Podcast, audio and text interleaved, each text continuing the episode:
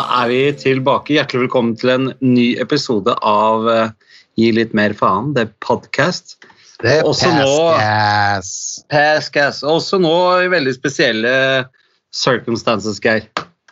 Ja, veldig spesielle, for vi er jo fremdeles i denne halvlockdownen i forbindelse med koronautbruddet. Vi sitter, vi prøver oss igjen på Skype, denne gangen med, med nye mikrofoner etc. Og Tommy Steine sittende under et ullteppe inne på sitt eget eh, rom.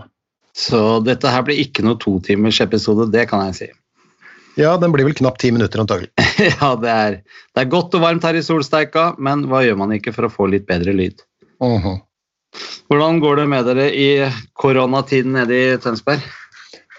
Det går eh, bra. Jeg har jo en, eh, en kone som står i frontlinjen, som eh, mange antagelig har fått med seg.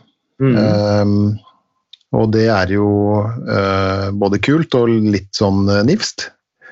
Uh, men hun har klart seg bra, hun banker bordet. Og det traff jo, eller i hvert fall den første bølgen har jo ikke truffet så hardt som vi trodde den skulle gjøre, da. Eller var redde for at den skulle gjøre, kan vi kanskje si. Nei, men Så- gjør det at du blir litt optimistisk, eller? Nå er ikke jeg den optimistiske typen, når sant skal sies. Nei, Eh, den skal men- du ha. Ja, det skal jeg ha. Men, eh, men jeg er forsiktig avventende, kan vi kanskje si.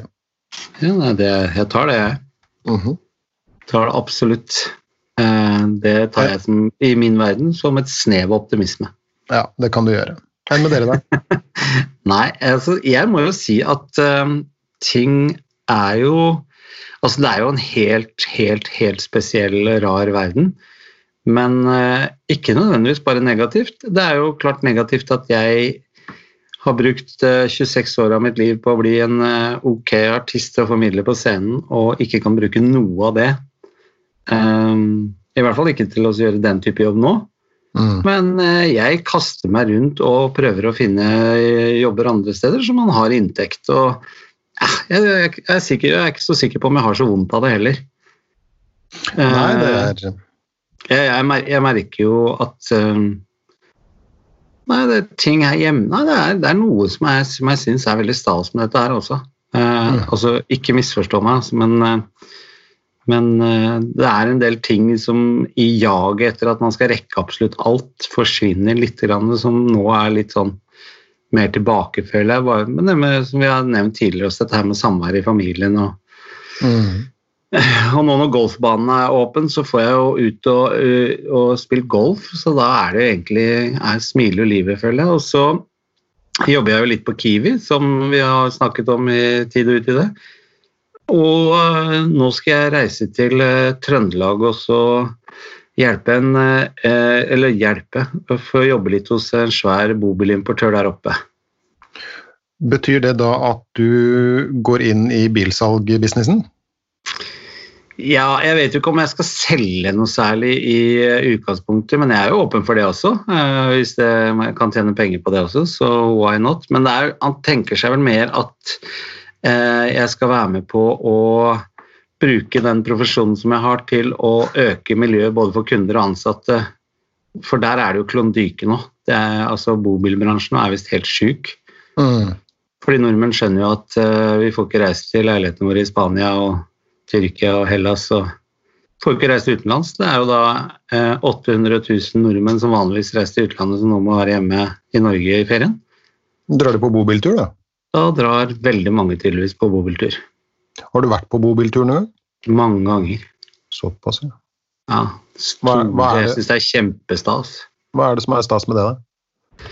Mobiliteten, så klart, for det første. Eh, kan du dra til steder uten å tenke på om det er ledige hoteller, eller om det er overnattingsplasser der eller eh, ikke. Eh, det går jo ikke så fort, så det er jo ikke sånn der haste fra sted til sted. Alle sitter inni en svær ja, Det er jo som en rullende campingvogn. Mm. Eh, Så vi i hvert fall har eh, ja, familie. Vi har vel vært på tre ferier liksom, eller ukestyrer ukesturer med bobil, og, og eh, det gjør at familien er veldig positiv til det i året. Hvor gamle var ungene sist da dere var på bobiltur? Puh, skal vi se, da var det Det er jo fem år siden. De var vel sånn fra 13-14 oppover til 20. Hvordan, hvordan gikk det, da? Å være på tur med Nei, det var faktisk ikke ganske noe problem. altså. tenåringer? Såpass. Ja, Ja. De syntes det var litt eh, spennende sjøl, og vi dro til steder som ikke de hadde sett. Og, og nå snakker vi om eh, eh, kanskje å kunne få lov å eh, dra til Nord-Norge. da. Det er Mm. veldig mange som har en liten sånn hemmelig drøm om å ja, se Lofoten og Vesterålen og sånne ting. Eh, dra og fiske litt og se litt på rå natur. Og far Mm. kan ha med seg golfkøllene baki hvis vi passerer en golfbane. Så ikke så kan du bare stille deg på et skjær og dundre i vei, antagelig. Ja, ja. Jeg har, jeg har aldri vært nord for Tromsø. Det vil da si at jeg satt jo i et fly da jeg passerte alle disse områdene som jeg har hørt så mye om. da. Ja, Lofoten og Ofoten og Dalstrøkka innafor og alt det der. ja, Eh, Min kone truer meg med at vi skal til, eh, til Nord-Norge. ja, Eh, Og det tror jeg kan bli bra. Ja, eh, uten å, å prøve å herse med dine geografikunnskaper, men Lofoten ligger jo da betydelig lenger sør enn Tromsø. Ja, Så- det var derfor jeg nevnte at jeg suste over i fly. Ja. Eh, Men jeg har mellomlandet i Bodø, ja, og da er du veldig nærme. Da ser du jo rett over til Lofotveggen. i storm. Og jeg vil jo i storm. Ja, det var ikke noe gøy. Nei, det er derfor jeg kjører bobil. Ja, riktig, ok. Ja, nei, men det blir, eh, det blir gøy å høre om dine eskapader i, eh, i eh, bobilmiljøet i Trøndelag. Ikke den tonen, du. Jeg skal glede meg til altså- at vi skal treffe deg i, i bobil i Nord-Norge med din familie. Finner ikke meg i bobil, det kan du bare skrive opp. Men, eh, men i? Nord-Norge Nei, nei, jeg vet ikke. Det er vel noen fordommer jeg har, antagelig. Og jeg er jo full av fordommer, så det er jo greit. Men, men det er litt sånn campingvibber, eh, og det er vel kanskje ikke min greie, da. Har du prøvd da? Jeg har, ikke- det er mye jeg ikke har prøvd som jeg liksom vet på stående fot kanskje ikke er helt for meg, da. Ja. Eh, Kenguruhale eksempel er det jo enkelte som spiser. Nei, det vet jeg med en gang, det har jeg ikke tenkt å prøve. Det, det får være Nei vel. Jeg, jeg er litt annen type. Sånn der, hvis andre spiser det, så må det være et eller annet som er godt med det, tenker jeg. ja. ja, det Jeg skal har jo ha. spist alligatorhale, så Nei, jeg, der, der syns jeg jeg skal ta en prat med Tyri, som ikke får revet ned litt de der fordommene dine, for det er faktisk über eh, koselig. Og du behøver ikke å være sånn eh, at eh, du er jo livredd for å menge deg med folk. Det må jo ikke være sånn at du skal sitte rundt en felles grill på en giga campingplass. Du kan tenke deg å kjøre bil, og så stopper du på en eh, rasteplass, og så sover, du, sover man f.eks. der til morgenen, så kjører man Man får sett så mye, mye mer enn om du skal fly og bo på hotell. Mm, ja, det tviler jeg ikke på. Fins det bobiler med kamuflasjefarge? Det gjør det. Stas. Da tar jeg en. Ja, for det er, det er der fargene står på. Mm, nei, men det er vel det å ikke vise så mye terreng, antagelig. Det er dårlig! Ja, fy flate. Ja, det jeg gleder meg. Det her må vi prate om. Vi skal ikke plage lytterne våre med det, men det her skal vi prate om. Men du tar med deg mikrofonen oppover, eller? Ta med mikrofonen, så klart. Ja, ja det er stas. Så det tenkte jeg var stas. Du og jeg sitter i Henningsvær med to parkerte bobiler og går inn i den ene og lager en podkast fra Lofoten. Jeg er sikker på det har vært stas. Dette er jo vel å merke hvis de klarer å oppheve den søringkarantenen sin. Da. Men gjorde de ikke det her forleden? Har de gjort det? Ja, jeg mener det også. Ja, det er i hvert fall Mot, motvillig, antagelig. Det er i så fall veldig bra. Og så skal ikke vi dra på oss fiender og fans med å mene noe sterkt om akkurat den biten der.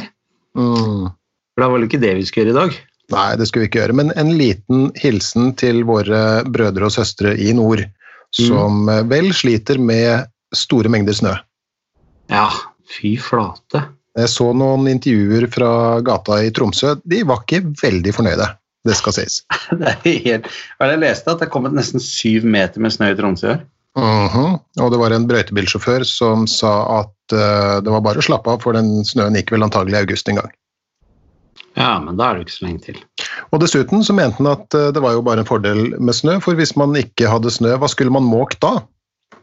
Var Det er veldig bra mentalitet, Mhm. syns jeg. Ja, Det er litt sånn hva skulle gjort uten havet båret Mm -hmm. Så det er bra de har den holdningen. Og, Eh, sånn, og, hvis du, og hvis du lurer på det, Geir, så ja, det begynner å bli varmt nå. Det gjør det. Okay. Ja. Men da bør vi kanskje komme i gang med dagens tema, da, eller? Hører du hvis jeg lufter, blir det veldig sånn plagsomt hvis jeg lufter litt nå bare for Oi! Nå kjente jeg faktisk at jeg fikk oksygen. Men nå er jeg tilbake. Ja. Hva er det vi skal snakke om i dag? Du, I dag så skal vi snakke om eh, et tema som henger litt sammen med eh, temaet i de to foregående episodene. Det var jo okay. to sånn ungdomsepisoder på et vis. Eh, ungdom og psykisk eh, helse. Ja. Vi skal snakke om en variant av sosial engstelse. Ja. Og det handler om det å snakke i forsamlinger. Fordi at disse ungdomsepisodene ble veldig godt eh, mottatt. Eh, Blant annet så fikk vi en Ja, det er superkult. Jeg var litt sånn engstelig for det der. Mm. Eh, Men eh, nå er jeg jo engstelig for mye, så det er jo greit. Men, men vi fikk en e-post fra en lærer Ok. eh, som sier at hun skal bruke disse to episodene i undervisninga. Blant annet så er det en, en klasse som skal uh, lytte til de to episodene og, og, og skrive sammendrag av, um, av det de hører. Tuller du? Nei, nei, nei, det er superkult. Og så spør denne læreren er det noe spesielt som uh, du og jeg da vil at, uh, at vi skal spørre disse uh, ungdommene om. Ja, det er jo Wow, altså. Ja, det er veldig veldig ålreit. Det er en av våre små dream come true der. Ja, det er jo det på mange vis. Mm. Så en liten, liten hilsen til klassen i Re kommune i Vestfold, og Telemark som heter nå, da. Den gamle Ja. Vestfold. Ja. Eh, og, men i forbindelse med, med disse ungdomsepisodene så fikk vi også en eh, eh, Altså vi har fått flere e-poster, men bl.a. En, en fra en, en ung eh, herre Mm. som skrev at han hadde intenst ubehag av det å stå foran klassen og skulle eh, prestere noe. Type Mm. sånn foredrag osv. videre bare det å snakke høyt i klassen. Så, og så tenkte jeg da at eh, det er jo noe av et spesialtema for deg også, for du har jo nå da eh, relativt eh, mange års erfaring med å stå på en scene. Mm. Og da tenkte jeg at vi skulle dra litt eh, veksler på eh, dine erfaringer og din kunnskap. eh, Ja, det er jo veldig måte, veldig stas, da. Da kan det nesten fremstå som jeg er den smarte av oss i én episode. Det hadde vært kult. ja, jeg, altså jeg, eh, Men du, eh, eh, ok, så det er de to tingene. Um, Først det der med ungdom. Det var én ting jeg tenkte på når hun spurte om det er noe vi kunne spørre de elevene om. Mm. Uh, og da kom jeg på et spørsmål med en gang, så jeg får lov å stille deg det. Mm. Jeg hadde syntes det hadde vært utrolig kult å få vite av de ungdommene som da lytter på podkasten og hører om dette her med ungdom og psykisk helse. Hva slags Eller hvordan skal vi voksne formidle eh, kunnskap som gjør det interessant for ungdommene å høre det på? mhm, Eh, skjønte du hva jeg mente med det? Også, mm. Eh, fordi de blir jo tredd nedover øra, vi foreldre og sånn. Nei, vi maser jo på de i tide og utide om alt mulig. Alt mulig. Men mhm. hvordan skulle vi gjort det sånn at eh, det blei en informasjonsflyt mellom ungdommen og oss voksne, som de Mhm. også var, syntes var stas? Mhm. Det er et uh, spørsmål vi kan sende i retning av, av denne skoleklassen. Ja. Um, Jeg syns det var veldig stas, altså. ja, ja, virkelig. Virkelig. Det, var, uh, det var på grensen til rørende, spør du meg. Du må tåle lyden av, av at jeg drikker i den her, for nå har jeg temperaturmåler her, så nå har jeg passert 32 grader under teltet her. Drikk i vei, du. Eh, og så er det bra at jeg ikke har kamera på deg nå, sånn at jeg kan eh, At jeg går glipp av at du begynner å bli blå på leppene, så det må du nesten justere selv. Ja, det sier jeg. Da hører du det hvis jeg begynner nå. Bla. Hvis Hvis du begynner, å- du begynner å sove nå, så skal jeg si ifra. Ja, er det det jeg gjør først? Ja, du blir, blir trøtt da, vet du, hvis du får oksygenmangel. Det begynner å hope seg opp CO2 i systemet ditt, da blir du trøtt. Ja. Det har jeg hørt på sånne miljøfolk er veldig farlig, så det skal jeg ikke. Ja, det, ja stemmer det. Så kommer Greta og drar bort teppet. ja, det er det. Du, vi har fått en annen e-post eh, her også, Ja. fra en eh, far, faktisk, Mhm. som eh, også har hørt på disse ungdomsepisodene, Mhm. og som eh, skriver at eh, av alt det han hører rundt i samfunnet osv., så, videre, så så kan det høres ut som om eh, psykiske plager i ungdomstida er uunngåelig. Men er det det, spør han. Eh, Ja, det lurer jeg på. Ja, ja, det kan jo nesten virke sånn av og til. Mm. Men, men, nei, det er det ikke. De fleste ungdommer har jo, har jo ikke psykiske plager av skal vi kalle det behandlingstrengende art. da. Nei. Og så er det jo, det her har vi jo snakka om tidligere også, at det er jo visse sånn begrepsutglidninger ute og, og går. Eh, mm. Type det som før ble kalt litt sånn uro, er kanskje noe angst, og, og litt sånn nedstemthet osv. er um, Deprimert. Ja, ikke sant. Og, Alle med lettere blod, ADHD. Ja, det også. Um, og jeg begynte å altså det, det er, og, og, det er jo hva skal vi kalle det da, litt sånn narrativet der ute at det er veldig mye psykiske plager blant ungdom. Men, men det er jo stemmer som er kritiske til denne måten å se det på uh, også. Um, ja, og dette har vi jo snakka om husker jeg en gang før, for du snakket jo også om ikke nødvendigvis bare ungdom, da, men du snakket jo om uh, denne rapporten som kom i 2018. Mm, Folkehelseinstituttets, ja. ja. ja. ja. Ja, og de sa jo noe om det. De fant ikke noen, eh, noen, klare tegn på, eller noen klare bevis på at det var noe økning i, i det hele tatt. Eh, og det er også mm, noen motstemmer som jeg kanskje tenker kanskje muligens ikke slipper så mye til, da, men som, som ser på ikke-psykiske lidelser, ikke sant? som jo skal diagnostiseres og behandles, men, mm. men du kan kalle det psykiske plager eller psykiske symptomer, og at de ser på det som mer en sånn naturlig del av ungdomsfasen, det å være ungdom. Mm. Altså at de eh, nærmest er eh, en nødvendighet for at du skal tilegne deg kunnskap om livet. da. Og, mm. og, at det er det som på en måte er virkelig er livsmestring i, i praksis. Det å leve et, et liv med opp- og nedturer og, og, mest sånn gjennomsnittlige dager, på en måte. Mm. Eh, men med den voldsomme sånn eh, kroppslige og, og, og kall det psykologiske utviklinga en ungdom er i, og det i mange år, så, så er symptomer og, og, ikke sant? og, de, jo, de, lever jo i et ungdomsmiljø og i en familie, altså i interaksjon som det heter, med andre mennesker. Og, mm. og det, det, gir jo symptomer i seg. sånn at det å Det var noen som sa en gang, og det syns jeg var så utrolig godt sagt, de sa det å og da skulle kartlegge ungdommers symptomer, altså telle ungdommers symptomer, er, er som å fiske laks i et oppdrettsanlegg. Altså du vet liksom at du Det var bra. Ja, du vet liksom at, at du vil finne noe. Mm. Men så er spørsmålet hvorfor finner du noe? Er det fordi at ungdom plages mer enn før? Eller er det fordi at dette er en naturlig del av det å være ikke bare ungdom, men også det å være menneske? Da.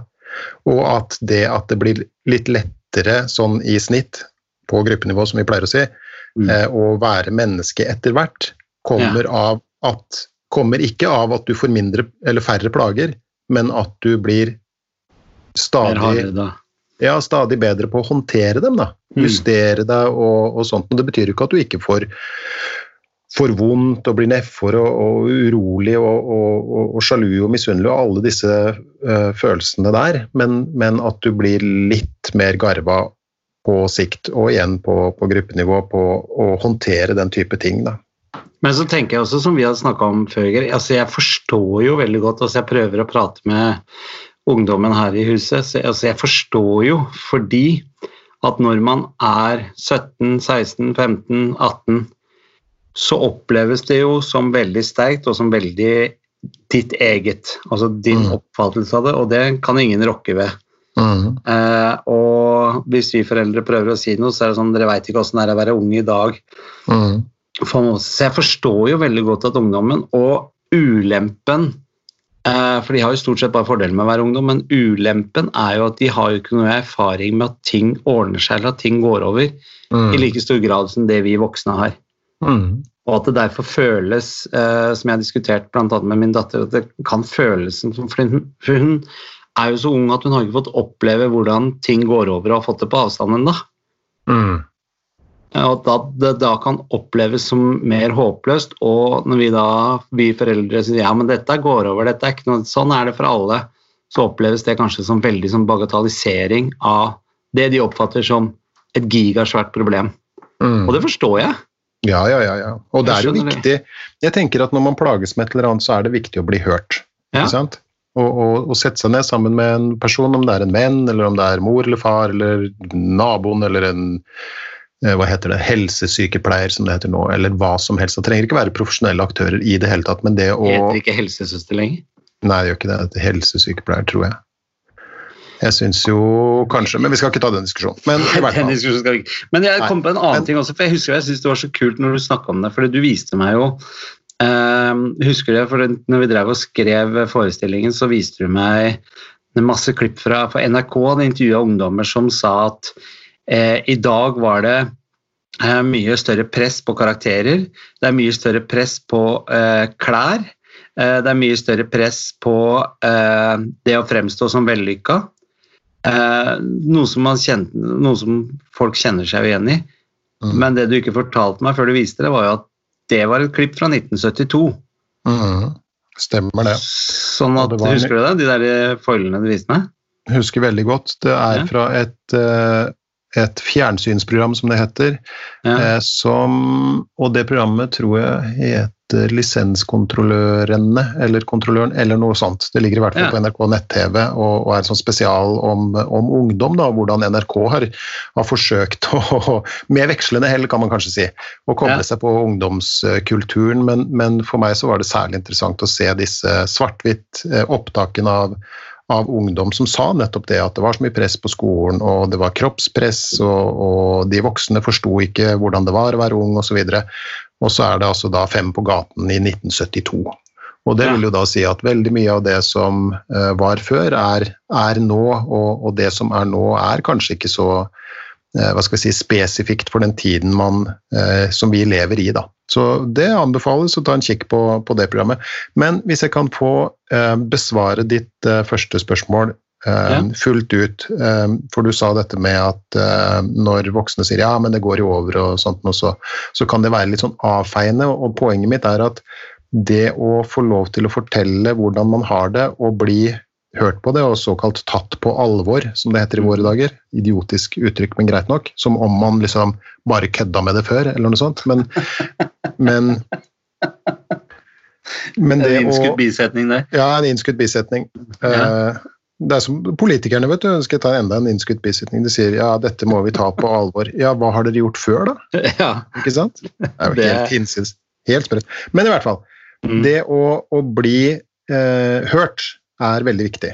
Eh, Mm. det, det gjelder for oss alle som mennesker, også i terapirommet. Det å få komme inn, sette seg ned, fortelle en, en fæl historie, en skamfull historie, eh, en historie som man tror andre mennesker ikke eh, tåler, og som man kanskje selv hva skal vi si, ja, skammer seg over eller forsøker å, å å, og, og glemme å bli kvitt osv. Og, og det da å sitte sammen med et annet menneske og, som ikke lar seg sjokkere, og som tar imot historien, er kjempeviktig. Men hvis man blir sittende der og dvele ved den historien i årevis, da er det kanskje. Ja, det skal man ikke. Men det er viktig for absolutt alle, både unge og gamle, å få lov til å bli hørt når man snakker om eh, ting. Og så må mottakeren ha klokskap til å vite når nok er nok, og, og hjelpe til å, å avlede fra det som er vondt og vanskelig. Da. Fordi at Ja. det gjelder jo alt som er vondt og vanskelig. Det som er eh, Det man kan gjøre noe med, det skal man gjøre noe med. Og det betyr ikke at det kan gjøres noe med akkurat nå, men det kan kanskje gjøres noe med på sikt. Men så er det jo også sånn at det er en del ting i livene våre som vi ikke får gjort noe med. Og det har vi ikke annet valg enn å leve med over tid. Ikke sant? Og det, og det er akkurat de samme prinsippene som foregår, som, jeg nå Ja, det det som, er, som ligger bak behandling. Da. Ja. Men du, vi skal, dette var jo tidenes innledning Det var det. til, eh, til vårt eh, var tema i dag. halve podkasten bare på det. Ja, det Ja, innskudd bisetning altså når du sier politikerne vil ta det på alvor. Jeg har hørt politiet sier at dette kommer vi til å etterforske grundig. ja. Det er også, ja, Hva har dere gjort med de andre etterfor... Nei, det var litt sånn kattelabetterforskning. Ja. Yes, da til dagens eh, tema, hovedtema, da. Kan vi kalle det. Dagens hovedtema, dette spørsmålet, eller eh, hva skal vi si, dette, dette innspillet eller ønsket om at vi kunne snakke litt om dette med ubehag eh, knyttet til det å snakke foran eh, folk. Ja, Og det, vet du, det er jo altså For det første, det kjenner jeg godt igjen. jeg skulle til å si det. Det kjenner du igjen? Ja, det gjør jeg. Det kjenner ikke du så mye til. Nei, det er jo en av de få tingene jeg Altså, når det, altså nå høres det ut som at ah, det koster meg ingenting, jeg bare går opp der, og det er det letteste Altså, jeg er spent, jeg òg. Og jeg er Ja, ja. nervøs for jobber og sånn. Eh, men, men jeg ser ikke på det som negativt. Jeg ser på ja. det som veldig positivt at jeg er det. Jaha, fortell. Fordi at eh, Det er vel en eller annen klok som har sagt det meg en gang, det også, men det at jeg er spent og nervøs før jeg skal opptre foran en forsamling, enten i form av foredrag eller i form av en forestilling, så er jo det et tegn på at jeg konsentrerer meg, at jeg, og at jeg har lyst til å prestere. Mhm. Hvis jeg blir likegyldig til det, og det, æsj, det går som det går, og ja vel, hvis de ikke liker det, så er det dem som Hvis jeg blir litt sånn, Mhm. da tror jeg at jeg kommer Da må jeg slutte. Ja, da ville det jo liksom ikke betydd noe for deg, på en måte. Nei. Men jeg forstår eh, det vedkommende har sendt inn en mail på. Det er stor forskjell på det og det å omtrent lammes av frykt. Mhm. Har du vært Eh, der noen gang? Hmm. Sa han knurrende.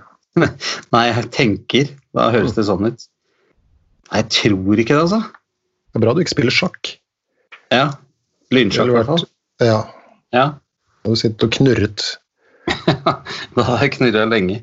Mm. Nei, eh, jeg tror, jeg tror ikke jeg har eh, vært lammet av frykt for at jeg skal stå foran en forsamling. Mhm. Jeg, men jeg, jeg merker at det er veldig rart, fordi at det er eh, Jeg er nesten mer nervøs jo færre mennesker det er. Og det er såpass, ja. Ja, sånn så at det også kom inn på et eh, Jeg har jo blitt booka inn mange ganger til firmaer som kom inn på et sånt styrerom hvor det sitter åtte stykker, f.eks. Det syns jeg ikke er så kult. Da syns jeg det er mye bedre å stå foran 1000. Hva, hva tenker du er årsaken til det, da? Jeg tenker at det er eh, fryktelig mye mer gjennomsiktig. Og du har mindre ting å spille på.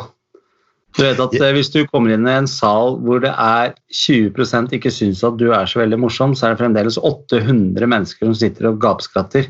Mm. Kommer du inn i et rom med åtte personer, og to av de, eller tre av de, ikke syns du er noe morsom, så høres det veldig mye bedre. Mm, ja, det er for så vidt sant. Jeg har det litt sånn omvendt, jeg. For hvis jeg skal, la oss si at jeg skal holde et foredrag for, uh, ja, la oss si ti stykker da, Mm. så synes jeg det er lettere, for at da har jeg oversikt over publikum og sånn. Ja. Uh, Eller tilhørerne da, for ikke å bli alt for, eh, alt for eh, teatralsk, holdt jeg på å si. Men eh, vi var jo på, vi holdt foredrag på verdensdagen for psykisk helse, tror jeg det var, på Oseberg kulturhus i Tønsberg. Mm. for et par år siden, vel. Eh, Mm, og der var, det åt, ja, der, var det 20, nei, der var det 800 mennesker i salen. Mm. Og da holdt jeg på å drite på meg, for å si det rett ut.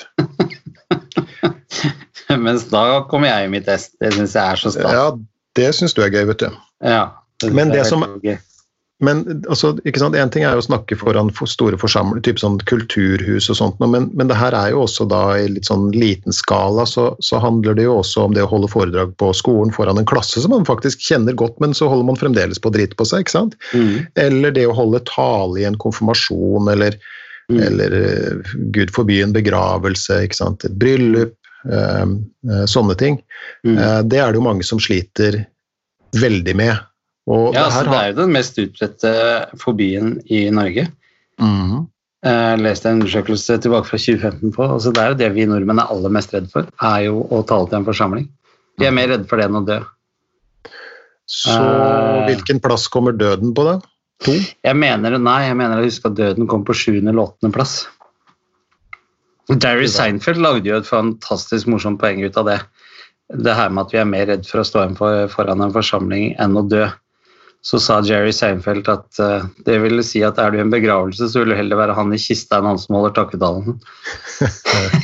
Mm. uh, som jo for øvrig er et veldig godt poeng. Uh, Mm. men Seinfeld er jo en veldig, var og er en veldig morsom mann, så han vet å tynne ut av det. Mhm. Men jeg tror jo, eh, eh, eller jeg vet jo nesten, kan jeg si, eller jeg antar, um, fordi man skal være forsiktig på gruppenivå, eh, så tror jeg jo alt dette her handler jo til syvende og sist om hva du sjøl står og tenker oppi hodet ditt.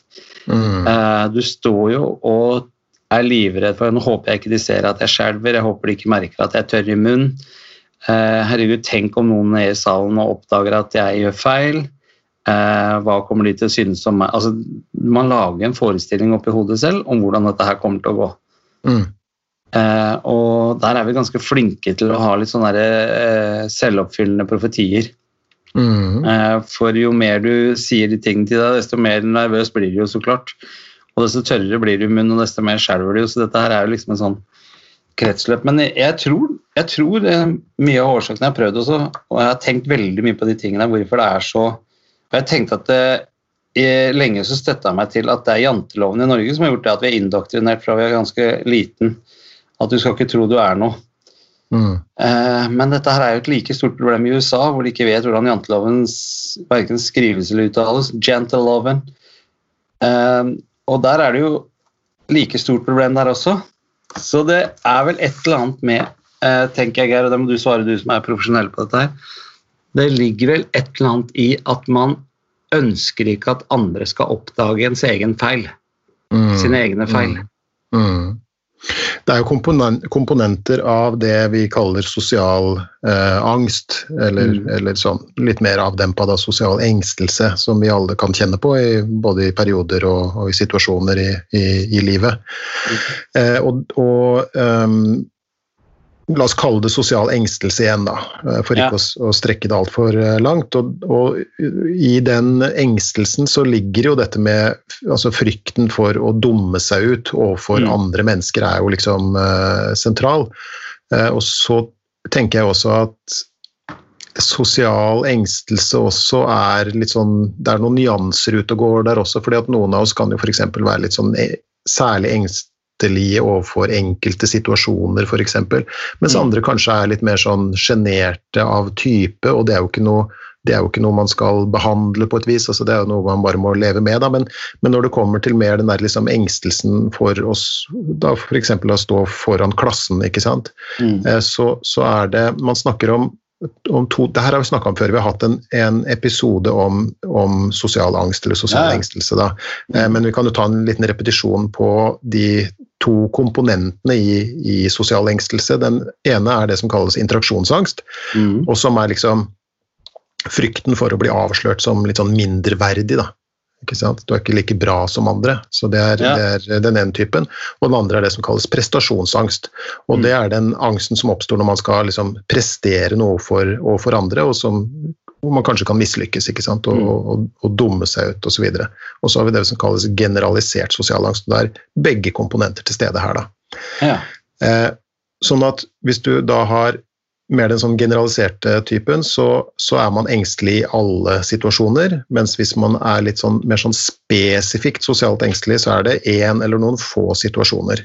Mm. Eh, og det er vel det som, som si, plager de fleste av oss i varierende grad gjennom livet, da. Mm. Um, uh, og så, altså hvis man ser i um, Skal vi kalle det da, i, i terapisammenheng, da, så kan man ofte finne at den personen man sitter overfor og snakker med, ser ut til å ha ganske sånn høye standarder knytta til seg sjøl. Mm. Eh, og nå eh, snakker jeg jo på mange vis om meg selv også, for dette her er jo det som ligger nærmest meg. ikke sant? Ja. Eh, Jeg syns ikke det er noe moro å holde foredrag og sånt noe. Det vil da si at jeg kan eh, Ja, det er så rart, for du er så god til det. Ja, det er veldig hyggelig sagt. Men, Men, men jeg er veldig engstelig i forkant, og som du sier, tørr i munnen og, og ikke fullt så tørr andre deler av kroppen, hadde jeg nær sagt. Og, og, og, engster meg mye. Men når jeg først er i gang, Ja. så, så går det bedre.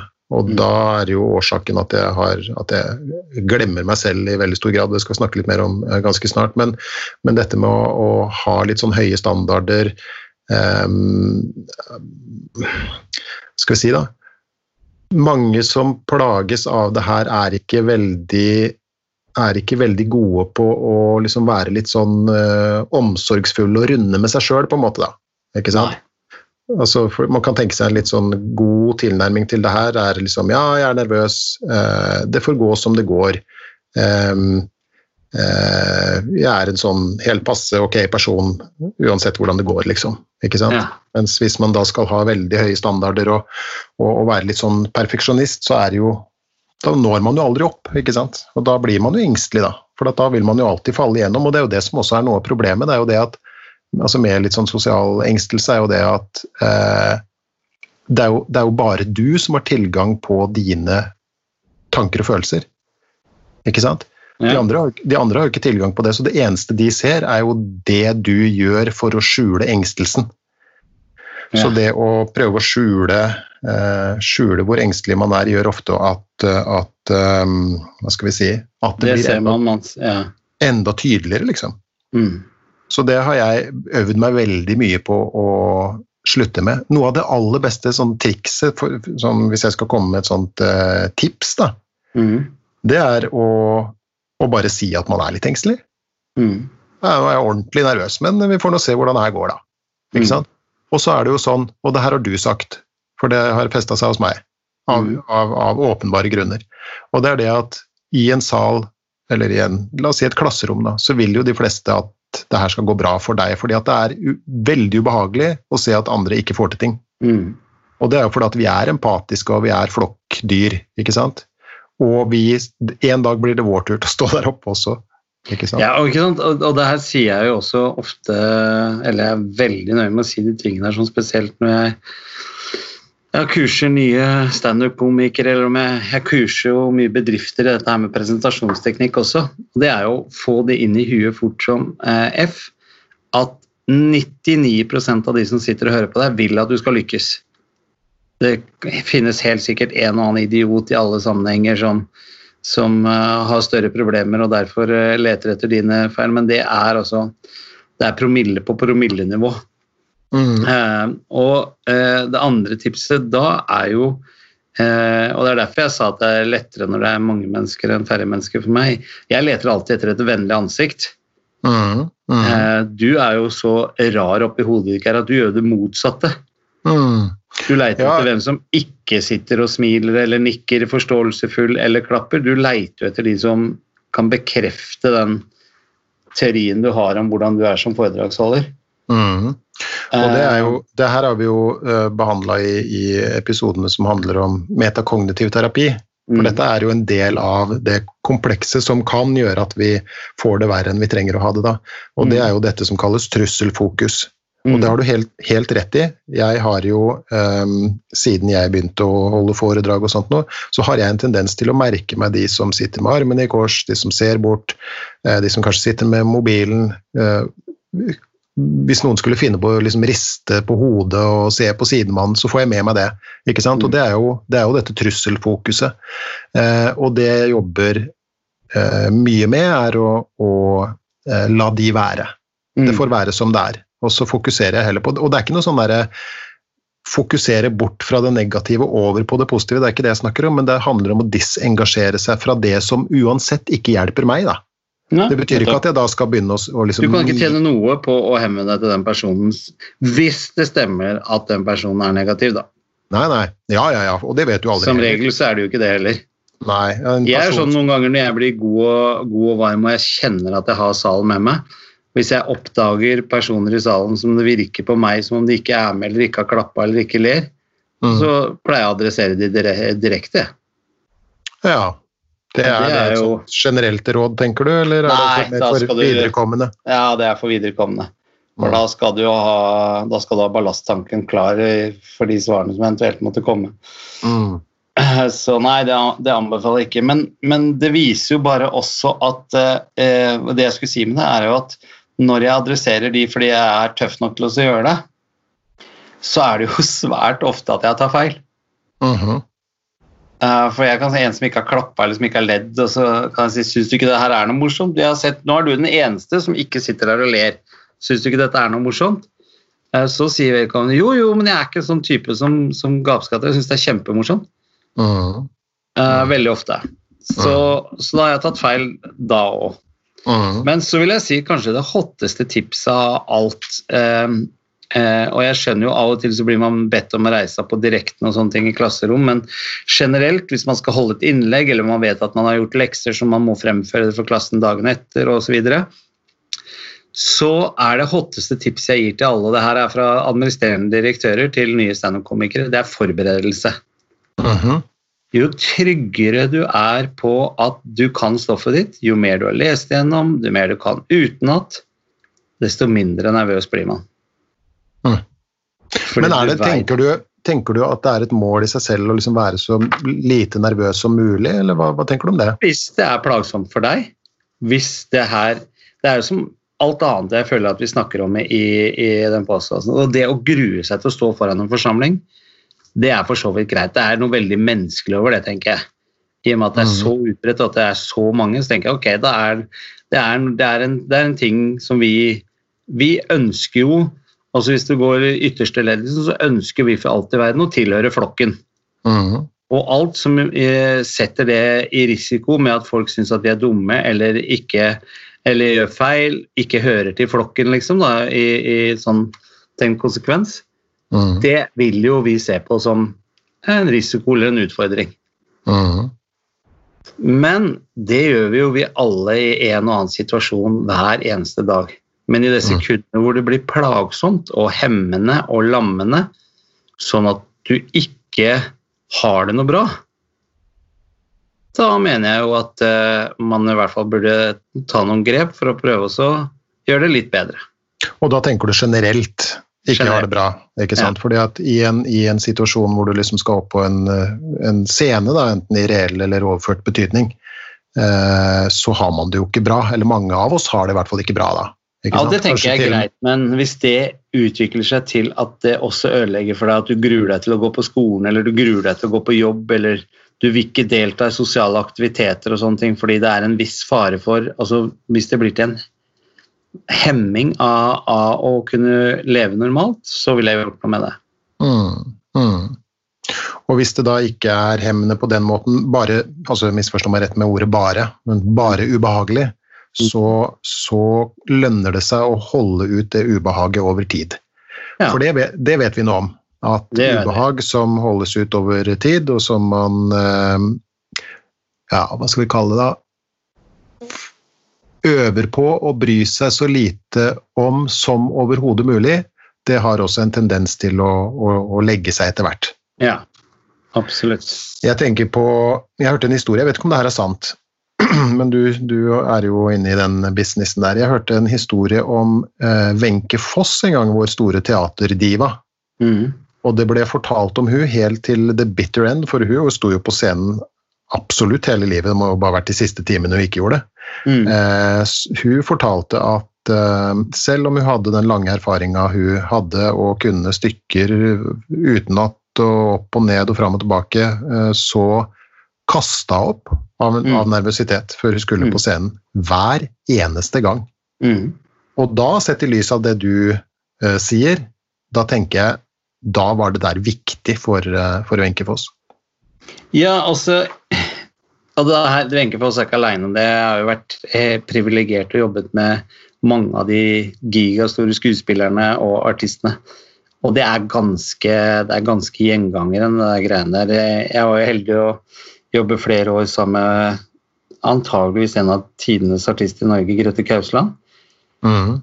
Eh, og hun var altså så livredd for å gå på scenen uh at, uh, at uh, vi kunne ikke være sammen med romsmenn det siste kvarteret før teppet gikk opp. og det samme er det jo. Det er jo Man hører jo historier tilbake til gamle dager, så var det jo mye mer vanlig med høyt alkoholkonsum for å gå inn og prestere på scenen. Så mange av våre store kunstnere har stått på scenen mer eller mindre godt berusa for å kunne takle det greiene. Elsa Lystad sier jo jeg så et intervju med henne hun er livredd hver gang hun skal gå på scenen. Uh, Aud Schønmann var jo livredd. Uh, Rolf Wesenlund uh, altså, Du kan bare ramse opp. Men jeg tror den nervøsiteten som de snakker om, og Arve Oppsal sa det til meg en gang, akkurat samme som det jeg har sagt tidligere. Den dagen du ikke er nervøs lenger, Tommy, for å gå på scenen, da må du slutte. Hmm. Og det er jo tilbake til det jeg sa innledningsvis, dette her med ønsket om å få til noe og ikke være likegyldig. Det sitter jo publikum som har betalt 400-500 kroner billett for å bruke kvelden sin på at jeg skal fremføre noe på scenen. Mm. Det er jo klart, eh, hvis, man, hvis man absolutt vil gå ned i kjelleren på det, så er jo det tyngende å vite, og ansvarsfullt. Men, eh, men eh, da ligger jo da desto større ønske for meg om å prestere på det området. Og det kan man bli spent av, og det, og det syns jeg er og Du må huske på at det her gjelder sikkert denne gutten som også syns det er ekkelt å stå foran klassen. Når han gjør det, og de gangene han gjør det, og gjør det bra, så er jo det også en helt syk følelse å få. Mm. Når man kommer over den nervøsiteten, og klassen eller bryllupsfølge eller gravfølge, altså hvilken verden du, enn står og holder en tale i, Mm. applauderer deg og syns at det du har gjort, er bra. Den Mm. følelsen er jeg ganske sikker på er, er eh, unison ute hos de aller fleste. Mm. Hva, hva, hva, hva tror du sjøl eh, om, om ehm, altså, Du beskriver alle disse artistene for eksempel, som, som holder på å drite på seg nervøsitet, og så Mm. går de på scenen igjen og igjen og igjen. Hvorfor i hul... Du, vet du hva? En dag Mm. så skal vi ha en sånn kjendisspesial. Da skal vi invitere noen sånne kjentfolk, og så Mm. skal, vi, skal vi snakke om sånne ting som det her, for det interesserer meg utrolig. Altså, hva, hva, hva, tror du det er som driver dem? Nei, jeg, jeg har jo eh, når, når jeg fikk den herre eh, gjennombruddet mitt som vi nå omtaler i 2017, denne smellen, mm. så var jo jeg ganske tydelig på at jeg, Eller jeg var veldig sånn sikker i min sak på at jeg ikke skulle holde det skjult. At jeg skulle snakke, og Noen av de første jeg begynte å snakke med, var jo kollegaene mine av hvordan jeg opplevde angsten og sånt. noe. Mm. Og fikk meg jo da et eh, aldri så lite karasjokk da, fordi det var vel sånn rundt 90% av de jeg snakket med. Ja, ja, det sliter jeg med òg. Ja, ja, det er sånn er det hver gang jeg skal gå på scenen. Sånn at eh, i hvert fall innenfor standup-bransjen så kan man i hvert fall eh, ut ifra de tallene slå fast at det er en generell flokk med nevrotikere som, som går på scenen hver kveld og sørger for at folk har det morsomt. Mm. Og jeg har jo eh, så klart mine egne teorier, og de er Nei, det er ikke teori, det lærte jeg deg i går. Jeg har jo mine egne hypoteser Mm, vel. på hvorfor det er sånn. Eh, Mhm. Fordi at eh, jeg tror at for at du skal måtte ville deg sjøl så vondt hver dag, og det er det du skal gjøre her i livet, så må det jo ligge noe på den andre siden som veier tyngre. Mm. Skjønner du hva jeg mener? Mm. Også mestringsfølelsen eller det du får ut på en scene, eller når du maler et bilde eller spiller en trompet eller fiolin, eller hva det enn måtte være. Den følelsen når du lykkes med de tingene, må altså veie tyngre enn redselen for å, å gjøre det. Mm. Og da tenker jeg at da er det vel sikkert eh, Jeg kan jo bare snakke for meg sjøl, men dette her vet jeg også er erfaring, for jeg har snakket med mange av mine kolleger. så Det ligger jo da et eller annet sånn litt umenneskelig behov for aksept og oppmerksomhet eh, som, eh, som veier tyngre enn den smerten er å utsette seg for det. Mm. Og den er det jo ikke alle som har. Det er jo eh, Heldigvis for meg i min jobb så er det jo ikke så mange som har lyst til å drive med det. Nei, det skal sies. Det er vel ikke uten grunn at folk kommer og setter seg i, i stolene i salen istedenfor å gå på scenen, ja. Fytte grisen.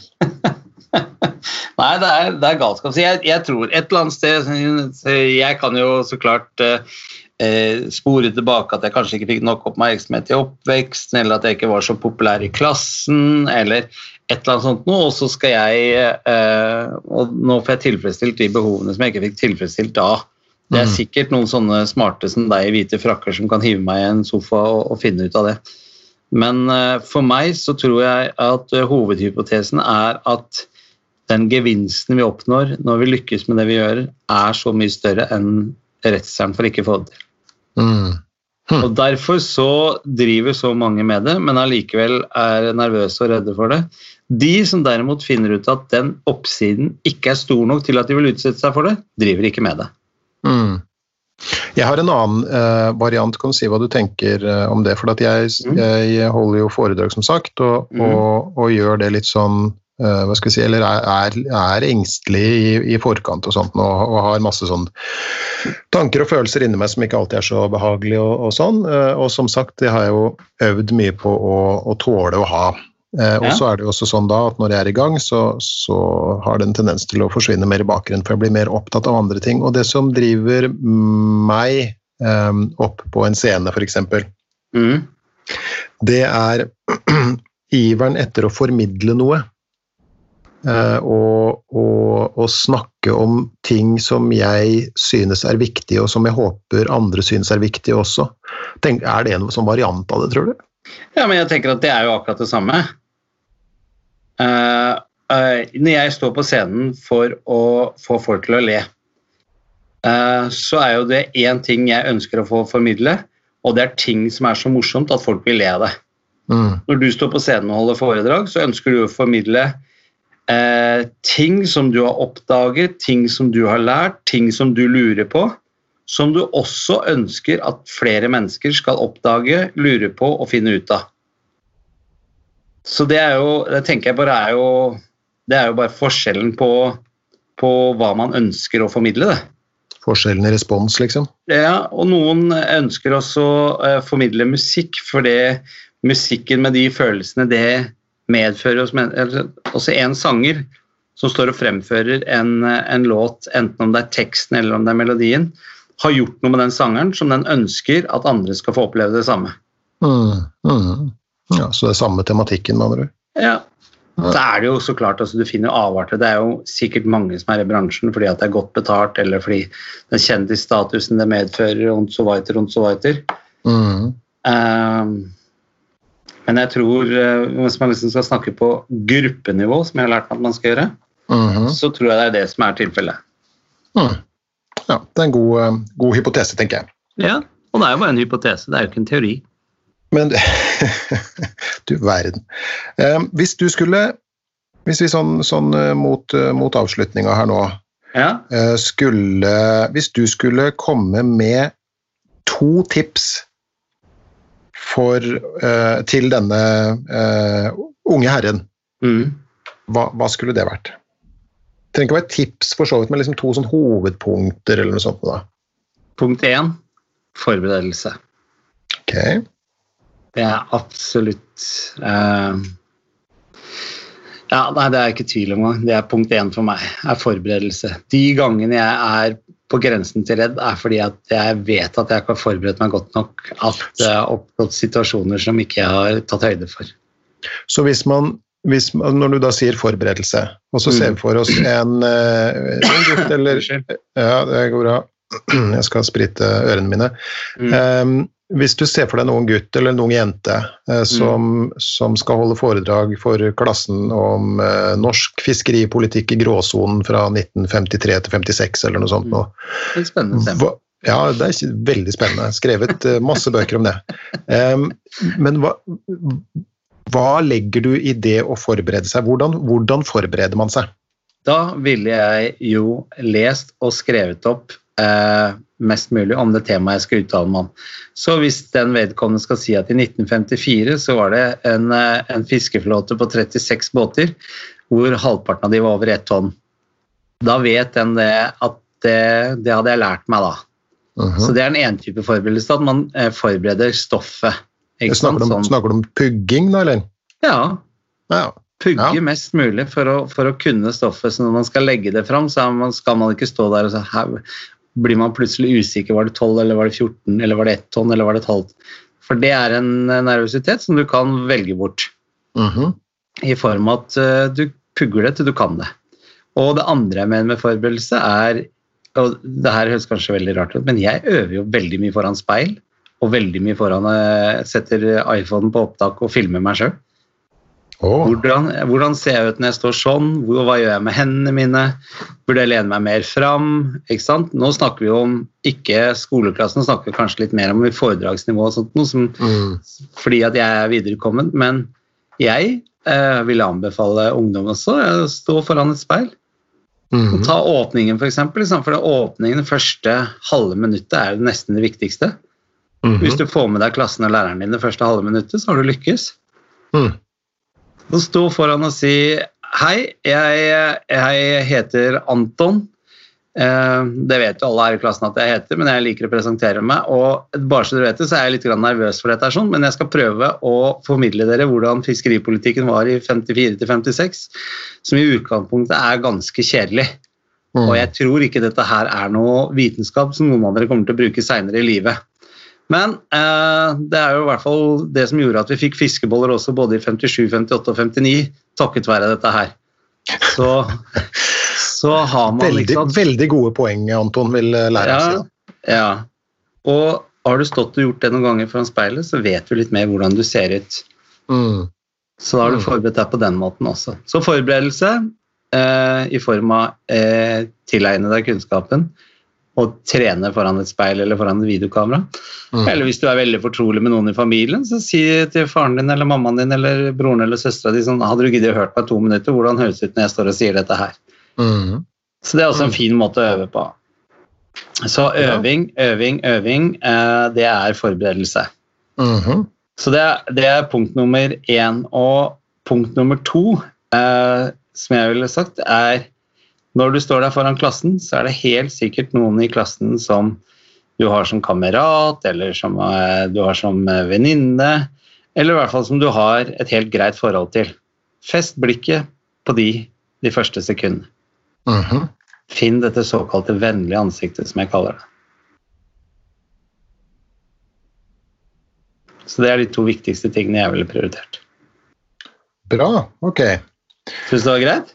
Jeg syns det var veldig eh, greit. Jeg kjenner det litt sånn igjen fra mitt eget liv sånn med tanke på skolegang og sånn òg. Jeg har også stått foran speilet, og ja, og for så vidt senere i livet også, altså.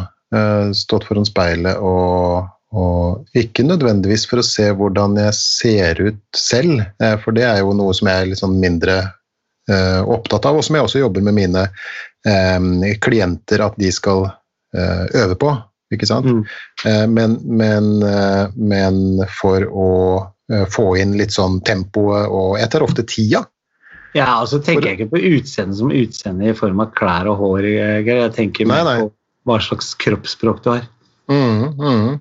Men det er jo også sånn at noen som er kanskje er litt spesielt engstelig, blir veldig opptatt av kroppsspråket sitt. Mm. Så det kan tenkes at uh, mitt råd At du ikke uh, fokuserer på det? Ja. For, for, for, mitt eh, råd vil jo være det å fokusere utover. ikke sant? Mm. Fokusere på publikum, og sånn som du sier, lete etter de hyggelige ansiktene. Fokusere på kanskje noen venner eller noe sånt noe, istedenfor mm. å sitte og, og, og, se på de største dustene i klassen, f.eks. Eller, eller sånn som jeg har en tendens til å gjøre, og som jeg jobber med, eh, til å lete etter misforstå meg rett, truslene. Mm. ikke sant?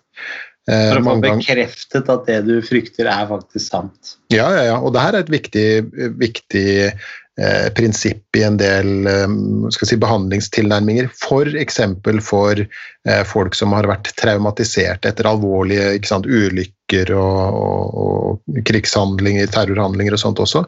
Mm. Så, så, øver man på Altså, en, en person som har vært eh, hva skal vi si, ute for noe sånt, da, mm. vil ofte bli trusselfokusert og gå og lete etter tegn til fare. Ja, jeg gjør jo det sjøl på andre ting. ja, ja, ja. Ja, da, og, ja, og, det er en menneskelig greie, liksom. Mm. Men det, det, noe av det man jobber spesifikt med da, når man jobber med den type ting, er å lete etter tegn på at alt er i orden. Ja. For de tegnene er det jo veldig mange av. ikke sant? Så, så, det å fokusere utover, og, og da, da, overlapper vårt ene råd eh, hverandre litt. Grann. Eh, mm. Det, det, er viktig. Det er viktig for meg, og har, har gjort veldig mye for meg i, i, med tanke på dette med å, å snakke foran folk. Da. Mm. Og råd, mitt, mitt, råd nummer to, mm. det er å øve på å tåle å være nervøs. Fordi at nervøsitet, det, eh, det er jo som du sier, det betyr at noe står på spill. Mm. Det betyr at du, du, vil at det her skal fungere. Det kan også bety at du ikke har spesielt lyst til å drite deg ut. ikke sant?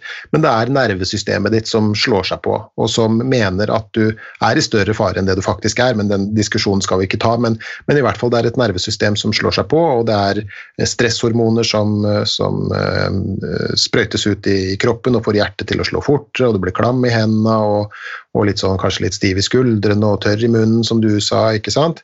Eh, og, og, sånn er det. Det, er ikke, det er ikke stort man får gjøre noe med. sånn at De som råder folk til å liksom gjøre ting sånn at de blir mindre nervøse, de blir jeg litt sånn der eh, Hei, vent nå litt. Hvordan i huleste skal du hvordan i hulste skal du gå fram da? Det vil i så fall ta ekstremt lang tid. Om det i det hele tatt lar seg gjøre, jf. det du forteller om de som begynner å drikke og ta narkotika og all verdens greier for å dempe dette nervesystemet. ikke sant? Men hvis Mm. du derimot øver på å tåle at nervesystemet ditt reagerer på forskjellige ting, ja. da kan du komme litt lenger. Og, og det har jeg gjort. Sånn at når jeg har hjertebank og er tørr i munnen, og sånn som det er, så bestemmer jeg meg for at vet du hva, sånn er det, og det skal jeg tåle. Og så, Og det gjør du òg. Ja, det Det er jo merkelig hva man tåler. Du, hvis det er litt sånn rar lyd her nå, så er det faktisk at jeg måtte ta bort dette teltet. Ja, du, du ga deg, ja? Hvor lang tid? Nei, ikke jeg. Det var, faktisk, eh, det var faktisk ikke jeg som ga meg, men jeg merker det på min Mac. At Å, ja, ble den, varmt i eh, Mac-en, ja. Mac-en ble Det var mye lenge tålelig. Det er fader meg en time i dag. Ja, såpass, ja. ja. Syns ikke det er så ille. Det syns jeg var veldig bra, fordi i en glovarm bil i Drammen, der holdt du ikke ut så lenge. Ja, nei, det var helt drøyt. Tenk Ja, at vi skulle møtes i bil i dag. Ja, det hadde ikke gått. Det Nei, hadde ikke gått. Nei. da måtte vi stått nede i en garasjekjeller. Ja, det hadde jo sett helt merkelig ut.